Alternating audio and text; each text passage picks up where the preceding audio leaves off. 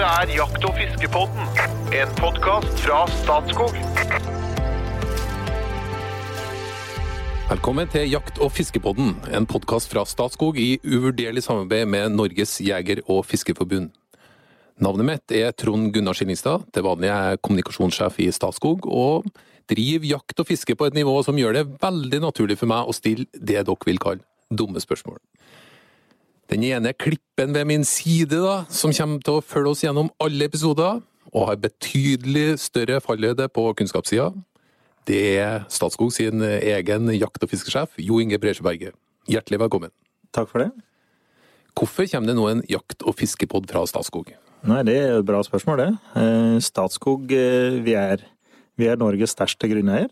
Og vi er den største tilbyderen på jakt- og fiskesida, hvis vi summerer opp det vi har. Vi har veldig mange jegere og fiskere som eh, er ute på vår grunn. Vi driver aktivt folkehelse i, i vår, vårt syn, i hvert fall. Altså, vi gir eh, Norge naturen. Og det er klart, dere jegere og fiskere våre de er, eh, de er interessert i det de driver på med. De har et vitebegjær, de vil vite mer og vil, eh, vil bli bedre på det de driver på med. Og er jo eh, interessert i å høre om de fritidsinteressen deres. da. De er veldig interessert, altså har en glødende interesse som regel da, for det de driver på med. Så er de òg flinke til å ta i bruk nye medier. da. Og da er en podkast et naturlig steg. Apropos fritidsinteresse. Du bor jo mer eller mindre i skogen, jakter ustanselig og har gjort hobbyen til jobb. Kan du si litt mer om deg sjøl? Hvem er Jo Inge Breisjeberget? Hvor du kommer fra? Er du veldig ofte på jakt? Er du kun eh, praktisk orientert? Har du f.eks. tatt en doktorgrad, som vi hører rykter om? Ja, hei, jeg er 42 år, jeg er fra Solør. Jeg har røtter på Finnskogen. Og har eh, gift og fire unger, og så har jeg nå, akkurat nå tre jakthunder, Stallop. Og ja, jeg er glad i å jakte, kan jeg påstå det. Og så blir det noe tid til års fisker fiske litt. Det er jo det. Men eh, det er sant, det. Og det røktes at jeg har tatt en doktorgrad, og det, det må jeg nesten bekrefte, da. Hva handla doktorgraden om? Det var eh, ryper og forvaltning av ryper og jegere, egentlig. Mm. I Det skal vi komme mye tilbake til. Men vi har også en gjest fra Norges Jeger og Fisk. Det er en eh, engasjert og kunnskapsrik stemme som veldig mange av dere har hørt før. Velkommen til deg, infosjef i Jeger og Fisk, Espen Farstad. Tusen takk. På en skala fra én til ti, hvor interessert er du i jakt og fiske? Ja, det, det, er, det, er, det blir jo elleve, det. Selvfølgelig. Jeg, dette ligger dypt i skje. Jeg falt i gryta som liten, rett og slett. Jeg tror det er sånn det er. Jeg har alltid vært en ivrig fisker, og det å være ute og så er helt uh, håpløs. Og så oppdaga jeg jakt i voksen alder. Eh, og ja, jeg jakter hver helg. Fra 21. august, hvor duejakta starter, til eh, lille julaften. Da kommer jeg hanglende hjem, litt sliten og, og slarkete og litt tynnere enn jeg var da jeg starta høsten, men eh, full av opplevelser. Så det, er, det, er du mest pasjonert fisker eller jeger, eller er det Jeg, liksom jeg jevnt er virkelig begge deler, altså. Og det, det, det slagordet, det er at uh, mitt motto, kan du si, da, det er alltid sesong. Og det- er alltid sesong for noe, ikke sant. Så når litt vemodig pakker bort hagla i lille julaften, eh, så starter vi på vintersesongen, og da er, eh, er vi på fiske, og så er det sjøørretfiske, og så er det litt, og så er det skyteprøven, og så Dette er, altså, det å være jeger og fisker, det går hele året. Så, og jeg er på alle kanaler. Det er jo et uttrykk som heter 'living the brand'. Ja. Du er jo da informasjonssjef i Jeger og Fisk, og Ja. det er du jo inn til beinet. Hva er Norges jeger- og fiskeforbund? Ja, det er, det er landets eneste eh, landsdekkende interesseorganisasjon for jegere og fiskere. Eh, formålet til Norges jeger- og fiskerbund det er at vi skal kunne jakte og fiske og høste av naturens overskudd, sånn som vi har gjort i alle år, 50 og 100 år fram i tid. Det er formålet. Og det betyr at vi må ha et engasjement på en god naturforvaltning som sikrer oss en natur som produserer det overskuddet som vi skal høste av. Det, det fordrer at vi har en bred deltakelse og aksept i befolkningen. At jakt og fiske er folkelige aktiviteter som det er i Norge. Altså, vi er jo et enestående land. Altså, er, vi- er verdens mestfiskende folkeferd. Ikke sant? Det er ingen som fisker så mye som oss. 500 000 nordmenn, altså hvert tiende nordmann står i jegerregisteret. Det er jo ingen andre som kan vise til sånne tall. Det er jo helt eventyrlig, og dette må vi hegne om. Dette må vi ta vare på. Og da handler det om tilgang til ressurs, god naturforvaltning og at folk slipper til og får en god opplæring. Og at vi har en god standing i samfunnet, ikke minst. At vi har samfunnets aksept for å drive jakt og fiske. Og det krever skikkelighet og ordentlighet både i forvaltning og i oppførsel som jeger og fiskere. Så, men nå trykka du på knappen, så nå fikk du hele remsa. Men det er nå liksom sånn det er, da. Det er utrolig spennende å høre engasjementet. Og, og, kunnskapen. Eh, du Espen, du kommer til å være med oss ofte som gjest. I tillegg så vil du ha et kort fisketips i hver episode. Hva ja. kan vi forvente oss der? Nei, du, altså, det, det, det var, Jeg likte jo den utfordringen der, å komme med et sånt lite fisketips. Og da må vi prøve å liksom gjøre det kort, da. Det er jo vanskelig. Så det kan være veldig sånne enkle, små triks. altså Kanskje stoppe opp og tenke litt. Nå får jeg ikke fisk, hvorfor gjør jeg ikke det? liksom? Nå skal vi jo kanskje prøve sånn eller sånn. Så det kommer noen tips etter hvert. Dere får høre. Fisketips. Så står du der ved vannet, og fisken biter ikke. Hva skal du gjøre? Vel, da må du forsøke å være litt kreativ. Du kan f.eks. provosere fisken til å ta. Du har kanskje stått og hivd med sluk og prøvd å lokke fisken til å ta. Kanskje du skal provosere. Kanskje fisken skal oppbygge litt aggresjon som gjør at den hogger på sluken din. Bytt sluk, bytt agn, sett på en ny farge, sett på en mindre sluk eller en større sluk. Lag variasjon. Litt raskere innsveiving. Pass på at sluken vingler som en fyllik. Den skal ikke gå som en streiting opp og ned Karl Johan. Stopp og start i sveivinga. I det hele tatt gjør uventa ting, så skal du se at fisken slår til. Dagens tema er eh, jeger og jegerrekruttering. Og For å starte litt brutalt, så skal jeg eh, fortelle om min forestilling om den norske jegeren. Det er først og fremst en mann, godt voksen, har jakta hele sitt liv, har sett opplegg har egentlig ikke noe ønske om å endre noe mye på opplegget. Det skal, det skal skje på én måte. De samme personene skal være med. Bor gjerne i distriktet. Snittalderen øker i, i, i uh, takt med jegeren. Altså, vi kan kanskje øyne en utvikling som ikke er bærekraftig. Men så har jeg en mistanke om at verden kanskje ikke er sånn. Hvem er egentlig Vi kan starte med hvem er den norske jegeren, egentlig? Mm. Skal jeg starte, eller? Ja, kom igjen, du. Ja. Nei, du har jo litt litt, rett har du jo. Det er fortsatt eh, en aktivitet eh, på bygden. Det kan du si, og det er fortsatt slik at jegere har en De er forholdsvis voksne, da. Gjennomsnittsalderen er nesten 50 år. Han er mellom 45 og 50 år. Om du ser på småvilt- og storviltjegere, litt forskjeller der. Og Eh, men vi ser òg at eh, den jevne jeger nå i dag, han bor faktisk i tettsteller og, og områder med litt høyere befolkningstetthet. Så det, det, det har skjedd en utvikling der, da. Det øker mest i tettstedene her. Og det eh, området det har nok sammenheng med urbanisering i befolkningen generelt. Og han tjener litt mer enn snittet, og de har en bra utdannelse når det blir testet her, da. Så at, eh, det, er ikke, det, er ikke, helt sant det du sier at det er en gamling som ikke vil lære noen ting og er, eh, bor på bygda. Det er ikke helt sant lenger. Eh, samtidig så øker kvinneandelen, og det er jo gledelig. Og kvinneandelen øker mest blant de yngre. Men vi ser siste 15 åra så har gjensynsalderen på jegere økt med tre år, mens befolkningen har økt med ett år. Så at jegere blir litt eldre, det er sant. Men det jo, dette blir jo også litt sånn stereotypier, da. og det er jo litt skummelt, for at vi ser for oss denne litt eh, godt voksne, grønnkledde mannen på stubbe eh, ute i skogen. Godt ute i skogen. Men, men, men, nå dukker altså opp en hel generasjon med unge, fargerike, offensive eh, jegere, og mange av dem er kvinner. Hver tredje, hver tredje person som tar jegerprøven i Norge nå, er faktisk kvinne. Og dette er veldig gledelig. Sånn at bildet er nok mye mer nyansert, og jeg tror kanskje Eh, litt med ståstedet man har og utgangspunktet man har for å liksom tegne et bilde av jegeren. Eh, hver høst så får jeg eh, telefon fra finansblader som vil høre litt om rypejakta, og for dem så er dette bare en form for sånn utmarksgolf for de bedrestilte. Mens, mens, mens, jakta i Norge egentlig er et tverrsnitt av befolkningen. Her finner du alt, ikke sant. Her finner du rørleggeren, her finner du informasjonssjefer, her finner du alt mulig rart. Og det er jo det som er så fantastisk. Så det er jo det vi skal dyrke.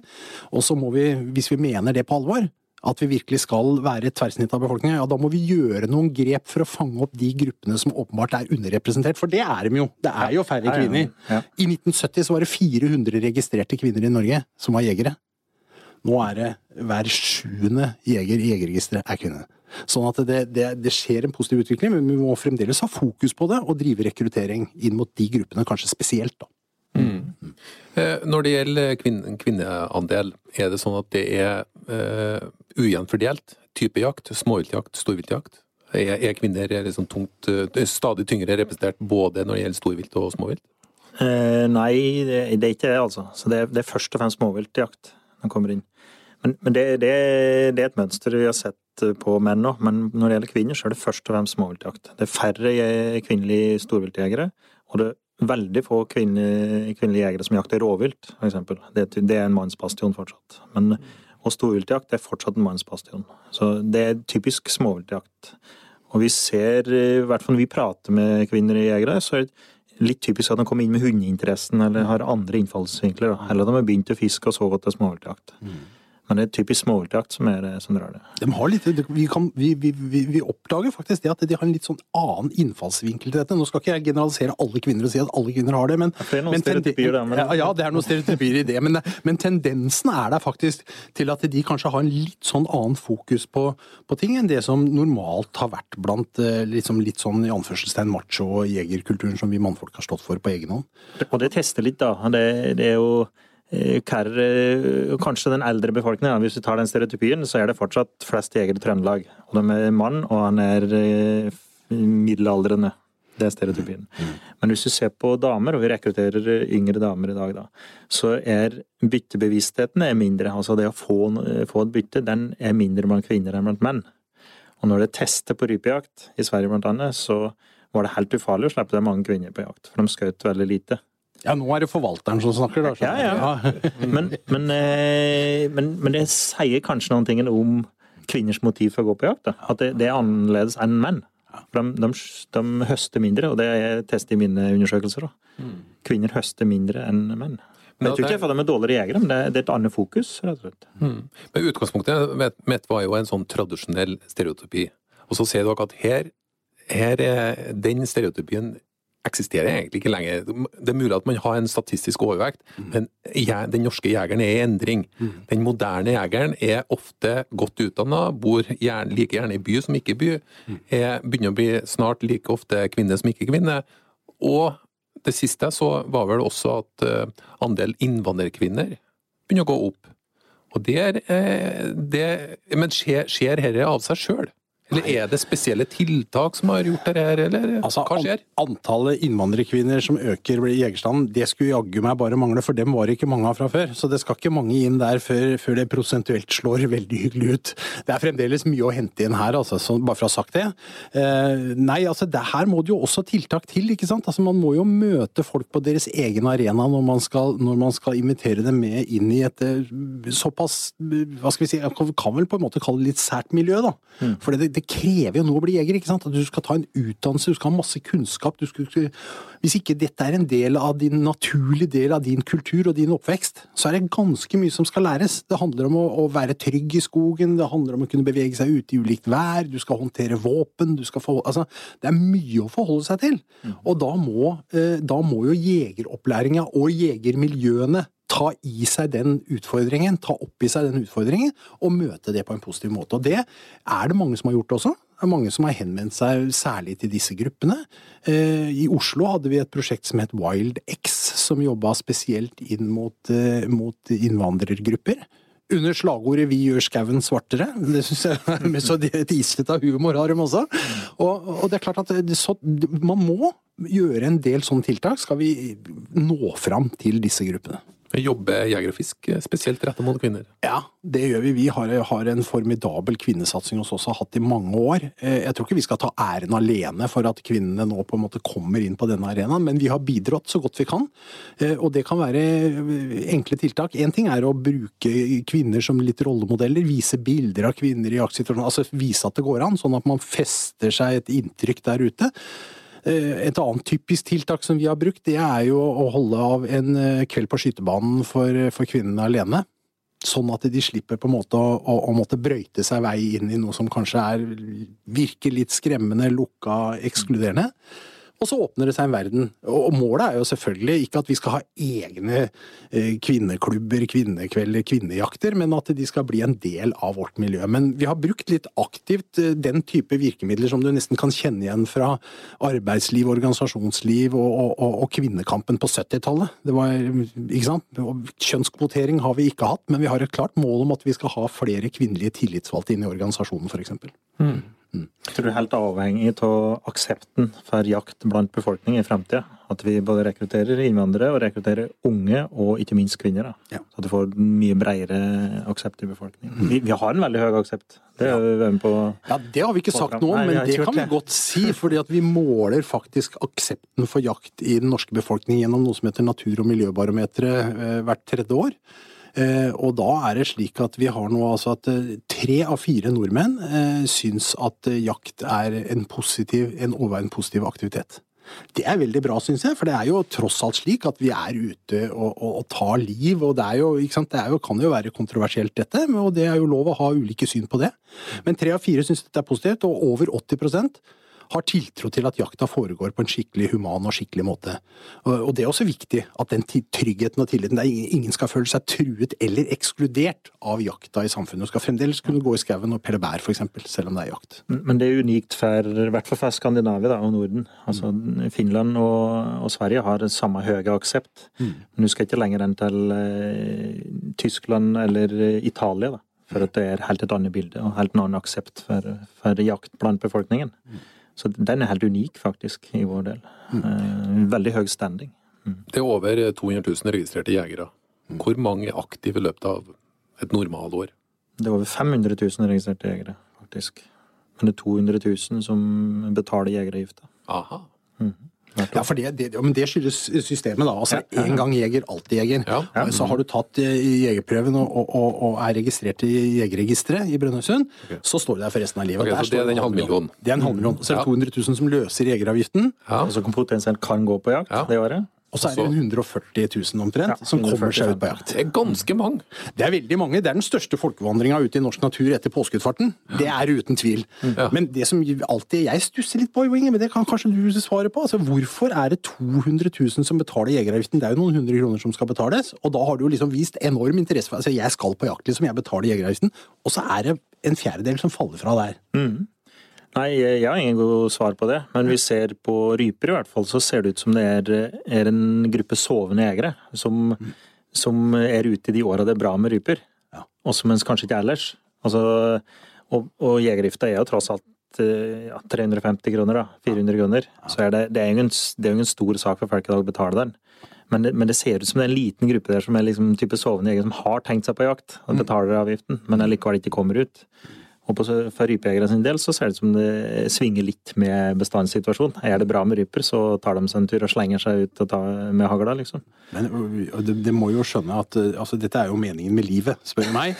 Og, og, da er, jo, er det et dårlig rypeår. Altså, må du jo kikke litt rundt. Altså, Fins det noen andre muligheter? Er det noe annet kan jakte på? Det finnes jo mye annet òg. Ja, her fikk jeg jakte trost. Eller rugde eller noe. Ja. Prøv noe annet. Eller bever, eller hva som helst. Og da, har vi, da må jeg skryte litt av Jeger- og Fiskerforbundet. For det, vi, faktum er at halvparten av de som tar jegerprøven, og det er en 10 000-12 000 i året som gjør det, halvparten av dem kommer seg aldri ut på jakt. Mm. Og det er, litt, det, er også, det er, jo en utfordring for oss, for at de, de, får altså den teoretiske kunnskapen. Det er 30 timer på et jegerprøvekurs og sånn. Og så, men, så, men så, er det er å bli teoretisk, da. Det å mm. skulle omsette dette i praksis og gå ut i skogen og, og utøve jakt i praksis, liksom, det, det, er nok en terskel for mange. Mm. Uh, så vi har, vi har, etablert et system, eller et tilbud, får jeg vel kalle det, som vi kaller introjakter. Hvor vi tilbyr folk å være med et erfarent jaktlag eller en gruppe instruktører ut og være med på jakt. Vi leier deg rett og slett ut på fjellet eller i skogen, og bli med oss, så skal vi vise deg. Du trenger ikke skyte, eller du kan være med å skyte hvis du vil. Du, er i en jaktsituasjon. 333 sånne jakter har vi rundt omkring i landet. Bare gå inn på sida vår og se, så kan du søke hjortejakt, og så får du opp alle tilbud om intro på hjortejakt eller rypejakt eller hva det måtte være, over hele landet. Og det begynte vi med i fjor. og Det var bare pangsuksess fra første øyeblikk. Her meldte det seg på masse folk. Og det er veldig hyggelig, for det viser at der er et behov. Folk trenger rett og slett en liten mentor eller en å lene seg på i en eh, det er jo, ikke sant? Altså, men, det, men, det, kan skyldes den uh, urbaniseringa, at folk mangler det ja. mentorleddet? Altså yes. mangler det en onkel eller en far eller bestefar som går på jakt? Ja. For hvi- hvis du har det, så, så dobler det sjansen for at avkommet går på jakt. Har det, er det forsker på. Altså, hvis, hvis, faren, hvis far din går på jakt, så er det dermed så stor sjanse for at du begynner å gå på jakt som motsatt. Jeg er jo et lite forsøksprosjekt sjøl. Jeg tok jo jegerprøven i voksen alder. Ja. Og jeg, det er klart, jeg kjente ganske mye på det, at det, det er ganske stor avstand å sitte i et klasserom. Ja. Og det å ta med et våpen ut i naturen Ja. Det forplikter. Ja, da, og, og, og da er det en god del ting du er nødt til å liksom, tenke gjennom og lære deg å ta hensyn til og sånn. Og det å ha noen som kan være litt mentor, og, det, og det skaffa jeg meg selvfølgelig. Jeg, jeg fikk jo gå i lag med noen som hadde jakta før. Det, for meg så var det avgjørende. Ja. Men jeg, jeg tenker dere at det eh, finnes det flere terskler som uh, hemmer rekrutteringa? Er, det- er det mer Statskog og Jeger og Fisk f.eks. kan bidra med for å øke rekrutteringa av jegere? Ja. Men én ting er her, her det er terskler, for, for jeg tror det, du er inne på det der, da, tror jeg. da. Altså, Det ene er det med mentorleddet. Men 30 timer teoretisk eh, undervisning og en eksamen, den, du lærer ikke nødvendigvis å slakte et dyr eller, eh, eller partere det. ikke sant? Ta vare på det. Eh, Det å kjøpe jaktkort og komme seg ut, det er heller ikke noe vi prioriterer veldig mye i jegereksamen. ikke sant? Så, så det, det er noen slike terskler som som, som tydeligvis er der, da. Ikke sant? Og som vi må være med å bygge ned. da.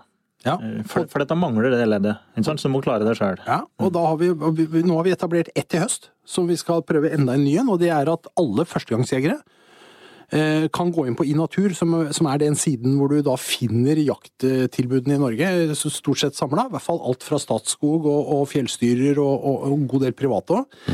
Med, på en moderne måte, selvfølgelig. Du går inn på nettet, finner fram din type jakt i ditt område. Og er du førstegangsjeger, så vil du også her kunne finne en masse tilbud om gratisjakt. Så vi skal i hvert fall ta bort, det skal ikke være det at det koster deg 300 kroner å kjøpe et jaktkort en dag. Du, som førstegangsjeger så får du en, en dag eh, jakt gratis på en, på en god del områder da, som du finner på Innatur. Så det er et flott tilbud, syns jeg. Og, og vi, vi tror ikke nødvendigvis at de 250-300 kroner er det som er bøygen, men, men da lærer du i hvert fall å kjøpe kort, kort, men du får kortet gratis, da. Mm. sant? Men du, du finner kortet, finner tilbudet, og på Statskogs tilbud så er det på alle. Så alle, alle tilbud så er det gjelder, unntatt der vi har søknadstrekking, da. Altså det er så mange om beinet. Men apropos pris, når du skal inn, så må du gjerne ha et våpen da, hvis du skal ut på, ut på jakt. Og våpen er jo for det første relativt komplisert å anskaffe seg.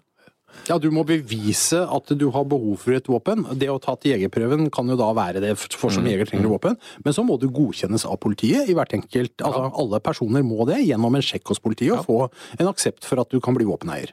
Og i tillegg så koster det et ulikt antall tusen eh, kroner for å skaffe seg et våpen. Og det er klart at er du litt usikker på om jakt er noe for deg, så må jo det være en stor terskel. Er det mulig, er det mulig i introjakten f.eks., må du liksom stille med eget våpen for å være med? Må du ha svidd av 10 000-15 000 kroner før du får prøvd om det er aktuelt? Nei, det, det, det trenger du ikke. Eh, Det, det er fullt mulig å låne våpen i Norge. Da må, du, da må du fylle ut en sånn utlånserklæring. Altså, skal du låne av meg, så må jeg lage en utlånserklæring som, som vi signerer på, og så får du låne våpenet for for en gitt periode. Eh, og det er, ikke noe, det er ikke noe problem. Og i en sånn introjaktsammenheng, hvor det altså kommer til en jeger- og fiskeforening og skal være med på duejakt, liksom, og si at ja, men jeg har ikke hagle, ja, da er jeg helt sikker på at vi stiller med en hagle. Ikke noe problem. Det samme vil det være på skytebanen, at du kan komme på skytebanen. De aller fleste skytebaner har hagler til utlån. Marias jakttips. Hei, jeg heter Maria Almli, er 38 år og jakta siden jeg var 15 år. Jeg bor i Steigen i Nordland, hvor det å gå ut i naturen høres veldig fremmed ut. Vi går aldri ut av naturen, men er inne i den hver dag. Følg årstida og høstingssesongene tett. I denne podkasten skal jeg dele noen av mine beste jakttips med deg. Vil du ha enda flere, kan du også følge med på Instagrammen min, Hverdagsjeger. Mitt første aller viktigste jakttips kan kanskje høres selvfølgelig og unødvendig ut, men det her er grunnlaget for i det hele tatt å se, og i neste omgang å få vilt. Og det er jo her det strander for de aller fleste. Gå ut og vær til stede. Slå av TV-en, pakk bort mobilen, tusle rundt i passe tempo og vær til stede ute. Med jaktbrillene på, så glemmer du fort alt annet. Søk, ser det du har rundt deg på en klarere måte, og lær.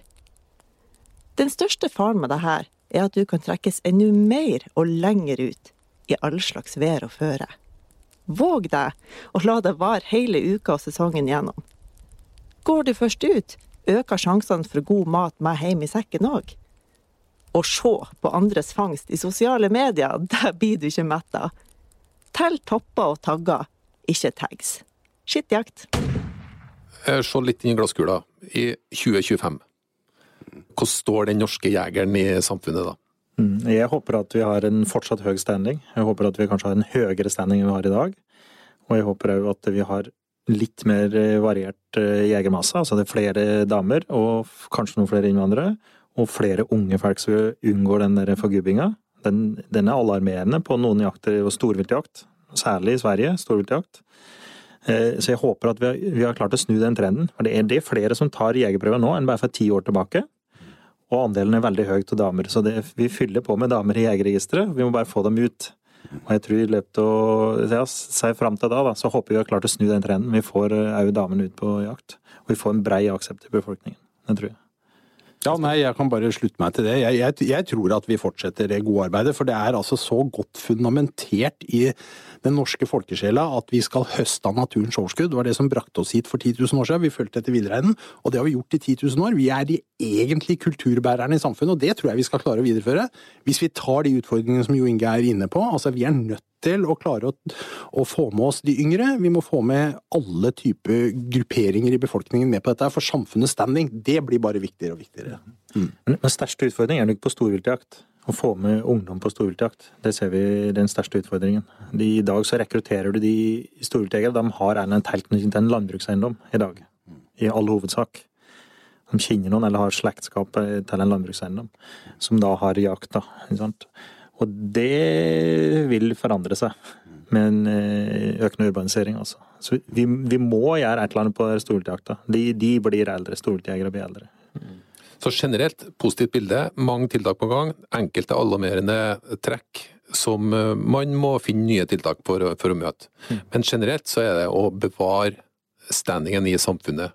For at det, er der det, det, er jo, det er jo en relativt nedarva kultur her, her med å høste av naturen, men det må du gjøre på en veldig ansvarsfull måte for å greie å, for å, greie å eh, ha, eh, man må ha tillit til at det gjøres på en fin måte. At norske jegere oppfører seg bra i naturen og i forhold til dyrene, tror jeg. Og det har vi jo nå, da, som Espen sier. Det har vi i dag. Og så har vi sett det er jo en behovsprøving for å ha våpen. Vi er jo et av de folkeslagene i verden som har flest sivile våpen. Og jegere er mer lovlydige enn snittet.